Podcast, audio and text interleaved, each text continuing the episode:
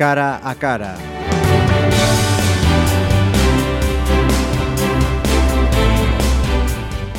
Saudos, eh, temos eh, hoxe un cara a cara eh, iba a decir cun fenómeno, pero é cunha fenómena da música galega dos últimos anos. María Xosé Silvar, ou máis coñecida polo público como Xés Benvida. Moi, moitas grazas. Este sábado 11 de febreiro eh, ten unha actuación aquí no Pazo da Cultura. Aproveitamos eh, tamén a súa presencia esta semana aquí en na cidade de, de Pontevedra, porque estás, eh, digamos, eh, de promoción ¿no? eh, de ese último traballo, eh, Opoñerse a Extinción, uh -huh. un traballo que saliu en decembro do, do ano pasado. É o cuarto álbum, non? Mm, de... É o cuarto, sí, xa. Xa. Eh, moi prolífica, porque salvo o 2014 vas a álbum por ano. Sí, no, a verdade é que sí, gustame traballar. Uh -huh. sí é froito do, do traballo, da, da inspiración, das exigencias do mercado? Non, é froito dunha, dunha crenza, non? En que, decía Sabina, un, un, un cantante que me, bueno, un autor que me gusta moito, decía, escritores que non escriben, vividores que non viven, non? Eu creo que os escritores escriben, e os cantores cantan, e graban discos, e os e os xornalistas pois fan artigos ou programas ou que sexa, non, cada un tense que dedicar ao que non, non creo moito nesa frivolización do, do, da arte musical, non, que por ser a arte máis social, pois moitas veces ligouse, bueno, tivo máis éxito e entón pois ligouse con determinado, eh, pois non sei, actitude un pouco sobrehumana, non? Ás veces un pouco diva e un pouco bueno, un pouco afastada do chan, non? Eu creo que, que se chegou, o sea, eh, que se caricaturizou tanto, non? Que se chegou a, a, a, a facer hexemónico un modelo de, de, de autor ou de autora ou de eh, creador, por decirlo así, moi afastado da realidade do oficio de facer cancións, que é pois vivir o oficio de facer cancións, igual que se vive o oficio de facer literatura. Entón, entre iso e que veño dunha familia traballadora, orgullosamente traballadora, pois pois só, é dicir, só pode ser así. Uh -huh. Lin a Wikipedia con esos eh, cuidados que hai que ter cando un lee en internet. Sí, señor. Eh, que eres mestra, non profesora. Non, non son ni mestra ni profesora realmente, quero dicir, iba pa, ia para, non? Uh -huh. eh, estude, eh, foi sempre a miña grande vocación. Eu sempre tive moita vocación docente. Eh, eu creo que teríame gustado vivir de, de, desa esa profesión, Pero bueno, nunca sabes a onde te vai levar a vida e a min levoume até aquí un pouco sen buscalo, pero moi contenta, uh -huh. por suposto. Eh, eh, bueno, sempre quixen ser mestra ou profesora, Eh, preferiblemente, bueno, sempre me gustou eh, dar clase a adultos, entonces, uh -huh. pues, teríame gustado moito ser mestra de, de, un, de unha disciplina que me apaixone pois nunha universidade, pero bueno, ao final pois quedeime en, en cantora. Pode ser eh, xusto o contrario do tópico, non? Hai pais eh, que dicen os, os fillos, ti estudia, e logo mm, sei o que queiras, eh, artista, eh, etc. Eh, ti eres licenciada en Filoloxía Galega, en, en tamén en antropoloxía social. Uh -huh. O comezo da pregunta, eres o contrario, non? Do, do, uh -huh. do tópico.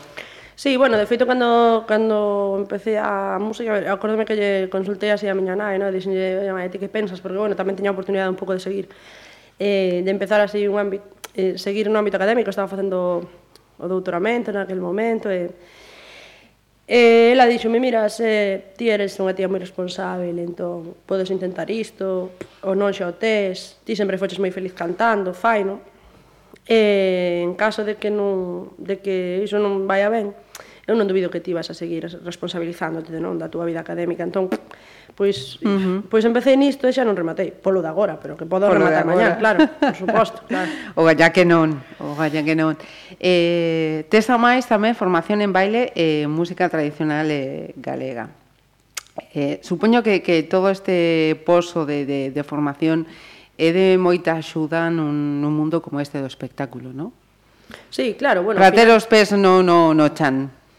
Sí, eh, por un lado porque sempre estive en cuando toca música, o sea, ao final sempre fixen música, non sempre digo que ninguén lle, lle pregunta a Estrella Morente pois como dá o salto a, a facer a súa música cando todo o mundo dá por sentado que ela sempre fixo música, porque o flamenco ten o estatus debido non? dentro do ámbito nacional e internacional. Eh, sen embargo, pois, eh, up, que consta que non, non, non teño queixa co folclore galego porque creo que hai folclores moitísimo máis denostados dentro do Estado. Creo que o folclore castelán que é un folclore belísimo, está denostado, creo que o folclore aragonés que espectacular tamén está denostado, entón todo aquilo que non sexa pois as catro os catro elementos culturais hexemónicos, non? En cada en cada estado ou en cada continente, pois están esquecidos, non? Uh -huh. E non creo que o galego máis que outro, de feito creo que menos que outros. Uh -huh. Eh, pero sí que é certo que que bueno, pois que non ten o mesmo recoñecemento. Entón, por un lado, por suposto que eu xa veño de ser música e de facer música desde que era moi pequena, de subirme a escenarios. E por outro lado, beneficioume moitísimo, porque unha cousa maravillosa que ten o folclore, este e todos os demais, que son iguais, é que cando ti te subes ao escenario desde o anonimato, desde moi pequena, aprendes a desfrutar de facer música sen egolatría, sen sen, sen darlle máis importancia a que o teu nome apareza nun cartel que a propia actividade que estás realizando. Entón, creo que centras a túa paixón no elemento correcto, que é o elemento artístico e non o elemento social ou socioeconómico que creo que é do que peca actualmente a maioría de, de, de, de personas que queren adicarse ao mundo da música. Entón, eu tive a grandísima sorte de que me veu dado eso xa, de que eu aprendín a desfrutar da escena, dos aplausos, do, do regalarlle ao público o teu, o teu facer, non? o teu esforzo, sen necesidade de que ninguén soubese o meu nome. Entón, cando de, de súpeto o souberon, pois a miña actitude xa non pode mudar porque ao final como ti te educas na infancia como vas a ser o resto da túa vida, para ben e para mal. Uh -huh. Entón, pois, sigo, sigo disfrutando igual que cando tiña sete anos, non? E ou oito anos, igual, ca mesma humildade, non? Eu penso que iso é moi bonito, moi bonito. Eu penso que iso é un tesouro moi grande. Uh -huh. Estou disfrutando moi, moito desta conversa. Os comezos, eh, chamallesis, uh -huh E gustaríame que contaras a quen este escoitando eh, ese apadriñamento de, de Santiago Serón. Pois nós eh, éramos uns amigos non? Que, que estábamos estudando daquela, bueno, xuntos eh, eh, estábamos estudando diferentes cousas pero xuntábamos nun garito que hai na Coruña chama Repichoca xuntámonos para cantar e para tocar non? E nós sempre fóramos gaiteiros e gaiteiras e cantareiros, pero bueno, aparte, claro, nos nacemos en 1982 e gustábanos moitísimo outra música, entonces pois xuntábanos e de súpeta seis 6 da mañan acabábamos cantando Janis Joplin e Bob Dylan e por aí, non? Entón, de, pero de broma, total. Uh -huh quedábamos para ensaiar nun, nun, nun trasteiro dun deles e, que, e un día eh, eu daba aulas nunha asociación e había un cartel que poñía concurso, a Coruña son e tal e nos de, totalmente broma, mira ata que punto que o concurso acababa un venres era por votación popular e nos presentamos a maqueta o xoves, o sea, tampouco tiñamos intención de ganar, nin moitísimo, bueno. E escollense 10 grupos, no? E nós pagamos a maqueta a Scott. Eu non, eu, pa, pa mí que puxemos 25 euros cada un, non che pode asegurar, pero por aí. Entón, claro que nós non sabíamos é que Santiago escollía un. El, escollíamos a nós. Entón, bueno, pois pues, alá era un premio que era ir con el a aulas unha semana inteira, non? Unha semana un seminario, entón, pois, traballar con ele e tal.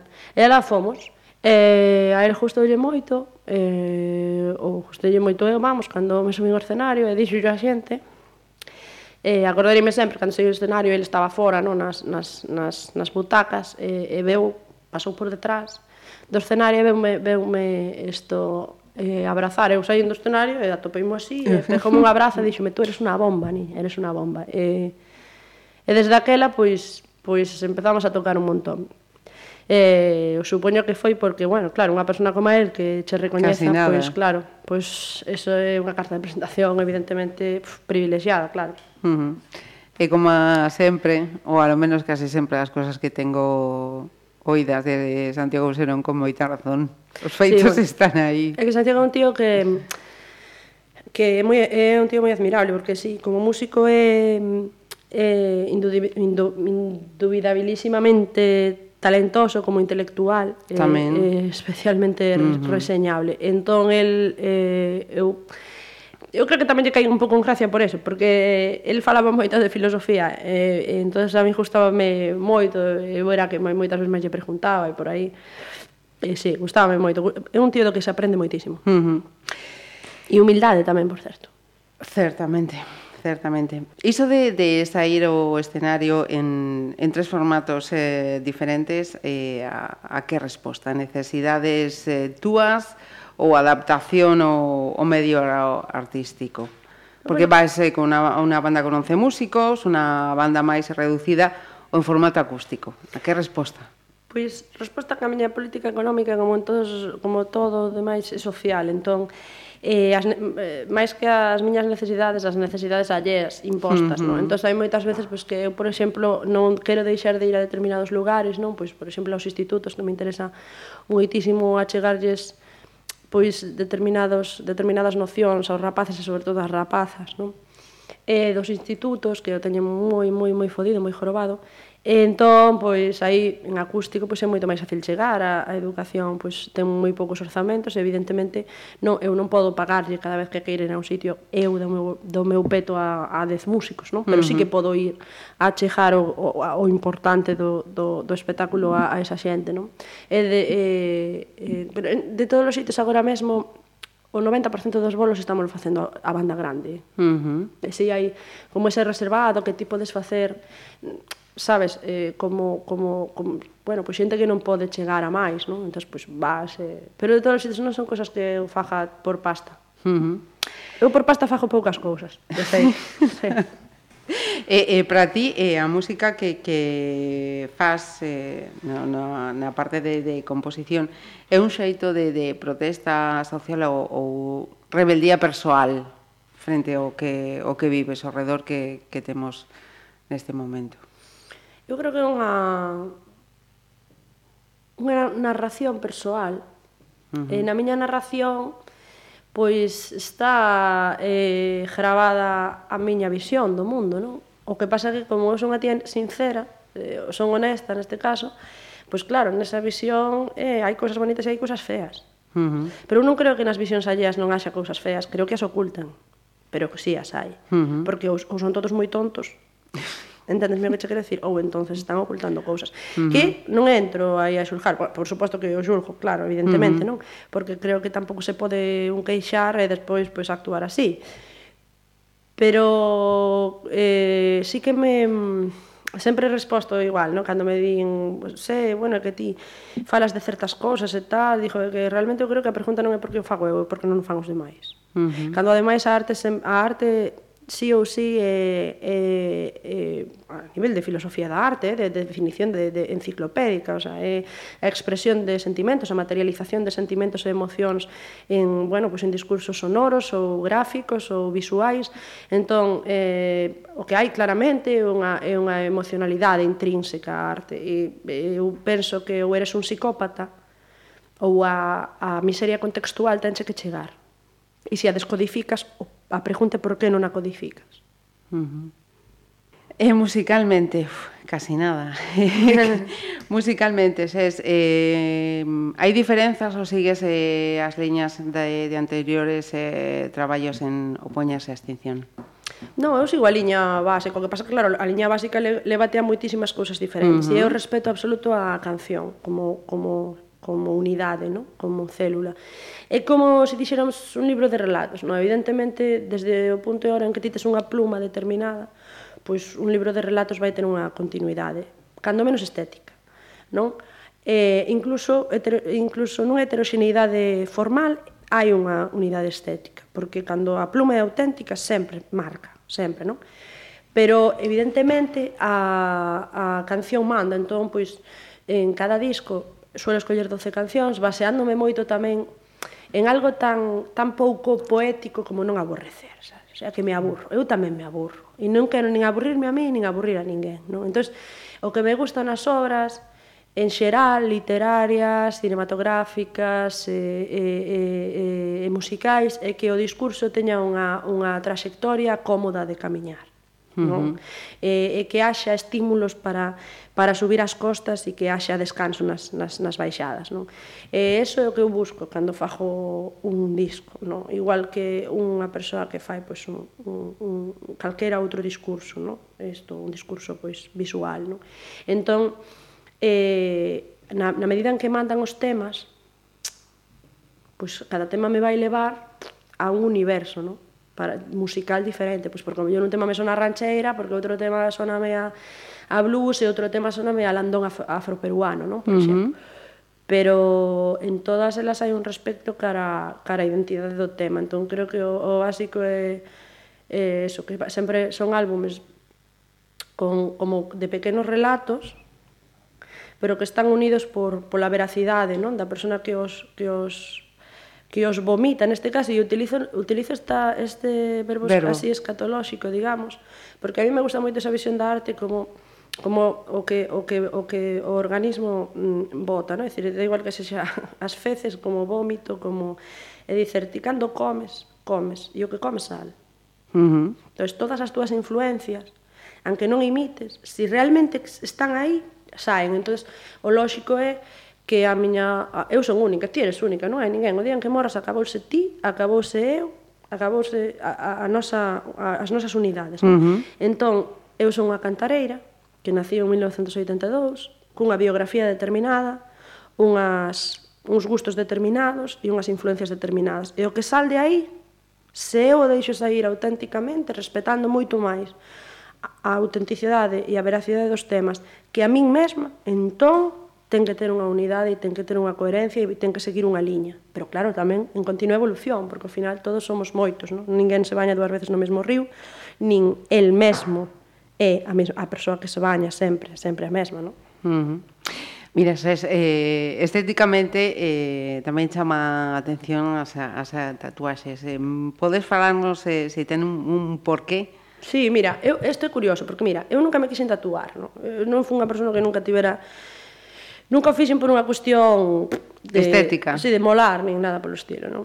Eh, foi moito a raíz de, de estudar antropoloxía, eh, fíxate que, que me interesou un montón o tema da, da, da manipulación non? corporal. Eh, es, eh, e sobre todo pertinlle moito respecto ao corpo, non, non no sentido negativo do termo, non? senón que o corpo ao final é, é, é un traxe que levase que vai dicindo quen eh, para as enfermidades que levas á costa psicolóxicas e, e, e, inter, e físicas ou bueno, se non é o mesmo, con perdón. Uh -huh.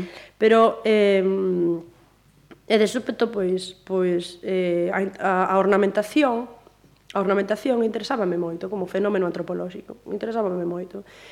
E entón pois pois eh, un pouco sen, sen ningún tipo de, de non sei, de, de, de, pens, de pensar demasiado nisso. Eh, sí, me tatuei cousas, eso sí, sempre, cousas que significaban cousas para min, claro. Levo toda unha, por exemplo, está unha ilustración anónima que é unha, unha delita da Revolución Mexicana, non? Isto é unha ferreña que parte do, do instrumento que, que é o máis, máis toco, isto é unha matrosca, pero así, uh -huh. digamos, como homenaxe á matrilinealidade, perdón, pero sen, pan, sen pano na cabeza, porque non me gustan as connotacións que, que, que leva. leva. Uh -huh. E así, cousas. Despois uh -huh. tamén fago tatuaxes moito menos eh, eh, Simbólicos. simbólicas, eh, porque esta por exemplo, é puramente ornamental e porque, bueno, porque o meu tatu tatuador e a min gustanos moito Afons Fons Muja, que é un uh -huh. cartelista eh, do Art Nouveau francés, e dixo, hostia, se vos vou facer unha, un detalle floral. Digo, pois pues, non? Uh -huh. Sí, sí. Ademais, mira, eu son respeto moitos artistas, entonces non me gustan a cor laranxa, nin a cor tal, Ajá. pero o tío dixo, no, no, pensei no laranxa, pois, pois, pois fai, no. Se si uh -huh. pensaches laranxa, fai no laranxa, sabes? Uh -huh. Eh, sentarlle máis máis importancia tampouco. Eh. Uh -huh.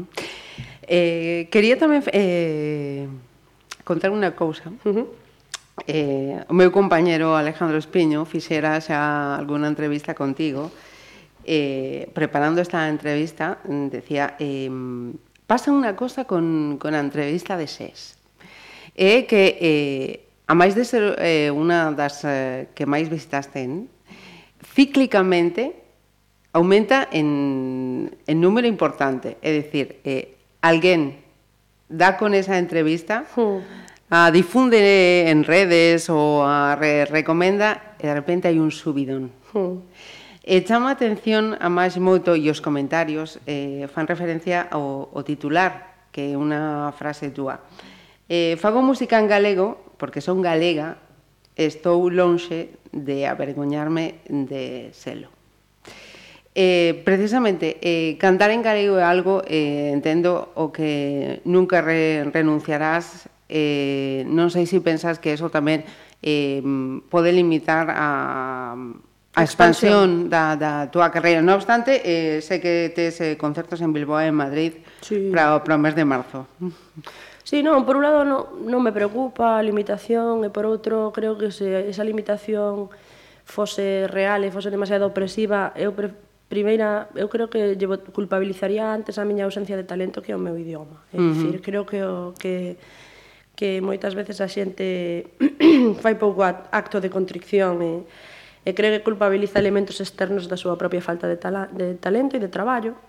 E eu toquei en Alemania, en Bruxelas, en Londres, en Madrid, en Bilbo, en Portugal, en Santa Comba, ca mesma ca mesma acollida, ca mesma acollida. Mm. Despois hai outra cousa que é básica, que é que temos que pensar que cando eu toco en Alemania, por exemplo, ante miles de persoas nun festival como o Rudolstadt, que é un festival eh, internacional pff, enorme, ao que, por certo, vou contratada a caché como calquera dos outros músicos dos cinco continentes, o 95% do auditorio non diferencia o galego do español, nin do italiano, uh -huh. nin do portugués.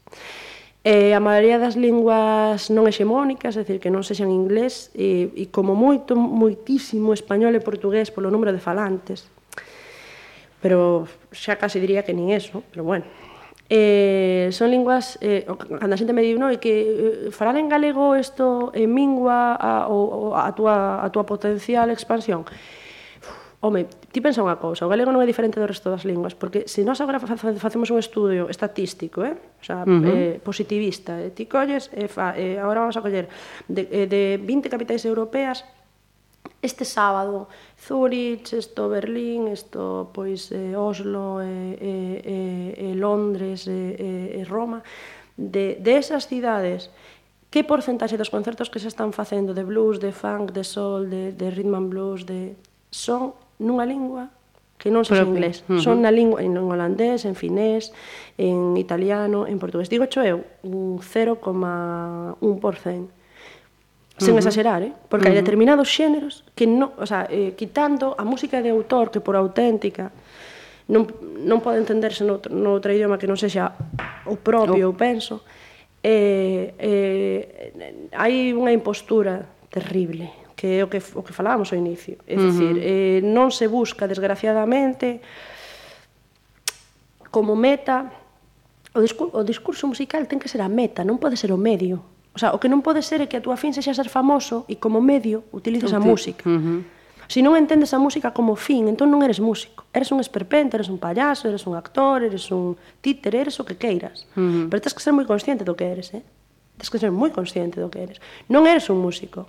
Un músico morre que sea de fame, porque a súa fin é a música. Un músico non vive da música moitas veces. Unha música non vive da música moitas veces. Un pintor non vive da pintura moitas veces.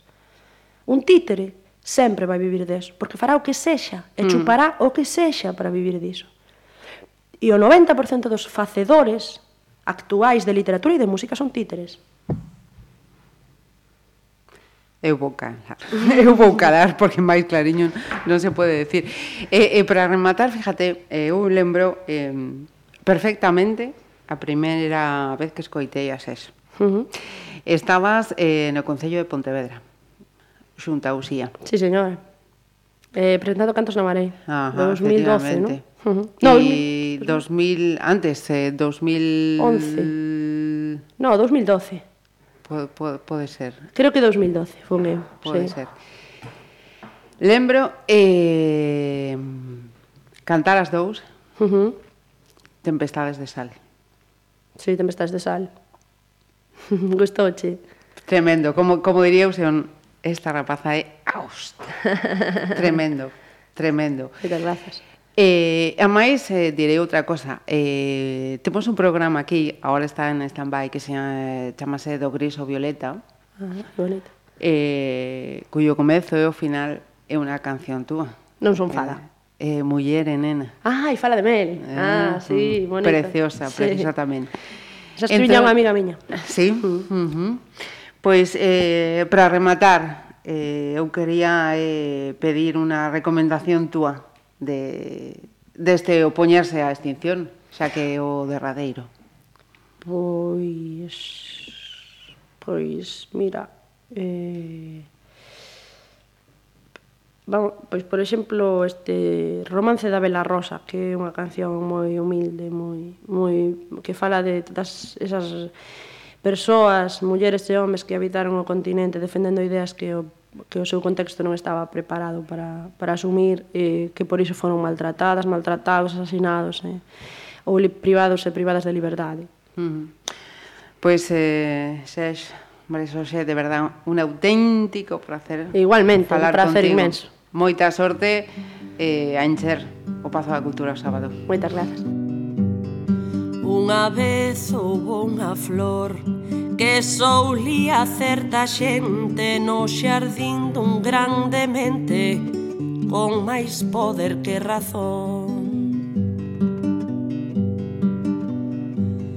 A Rosaleda medrou, medrou só e sen axuda, era forte como a ruda contra o frío e o calor. Saiu o sol e corou. Co seu vermello impoñente Tanto que o amo e a outra xentes Molestou o seu primo No canto de con amor ollabana con vaidade E ante a fermosa humildade Respostaron con temor. Moitas flores do redor. De xardíns de alleas terras Aplaudiron moi contentas Cando amo a recortou A planta quedou sen flor Pero aínda resistía Porque a raíz se nutría Da terra que a enxendrou A terra considerou que o seu froito era inocente, que fora nobre e valente, e dela se preocupou. A augaxiña chegou e o resto de compañeiras sacudironlle lixeiras e calmaron a súa dor. Certo día aquel señor Foi a balar a maceira E reparou na roseira Que cortara con rancor.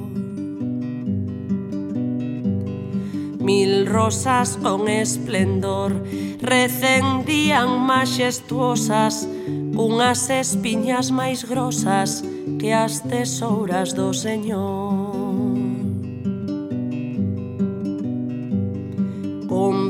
rendiu amo entón O seu crime despiadado Caiu o chan apenado E pola rosa chorou Aquela primeira flor Sono recordo recordou la texa Pero se a raíz rexa A planta non morre non.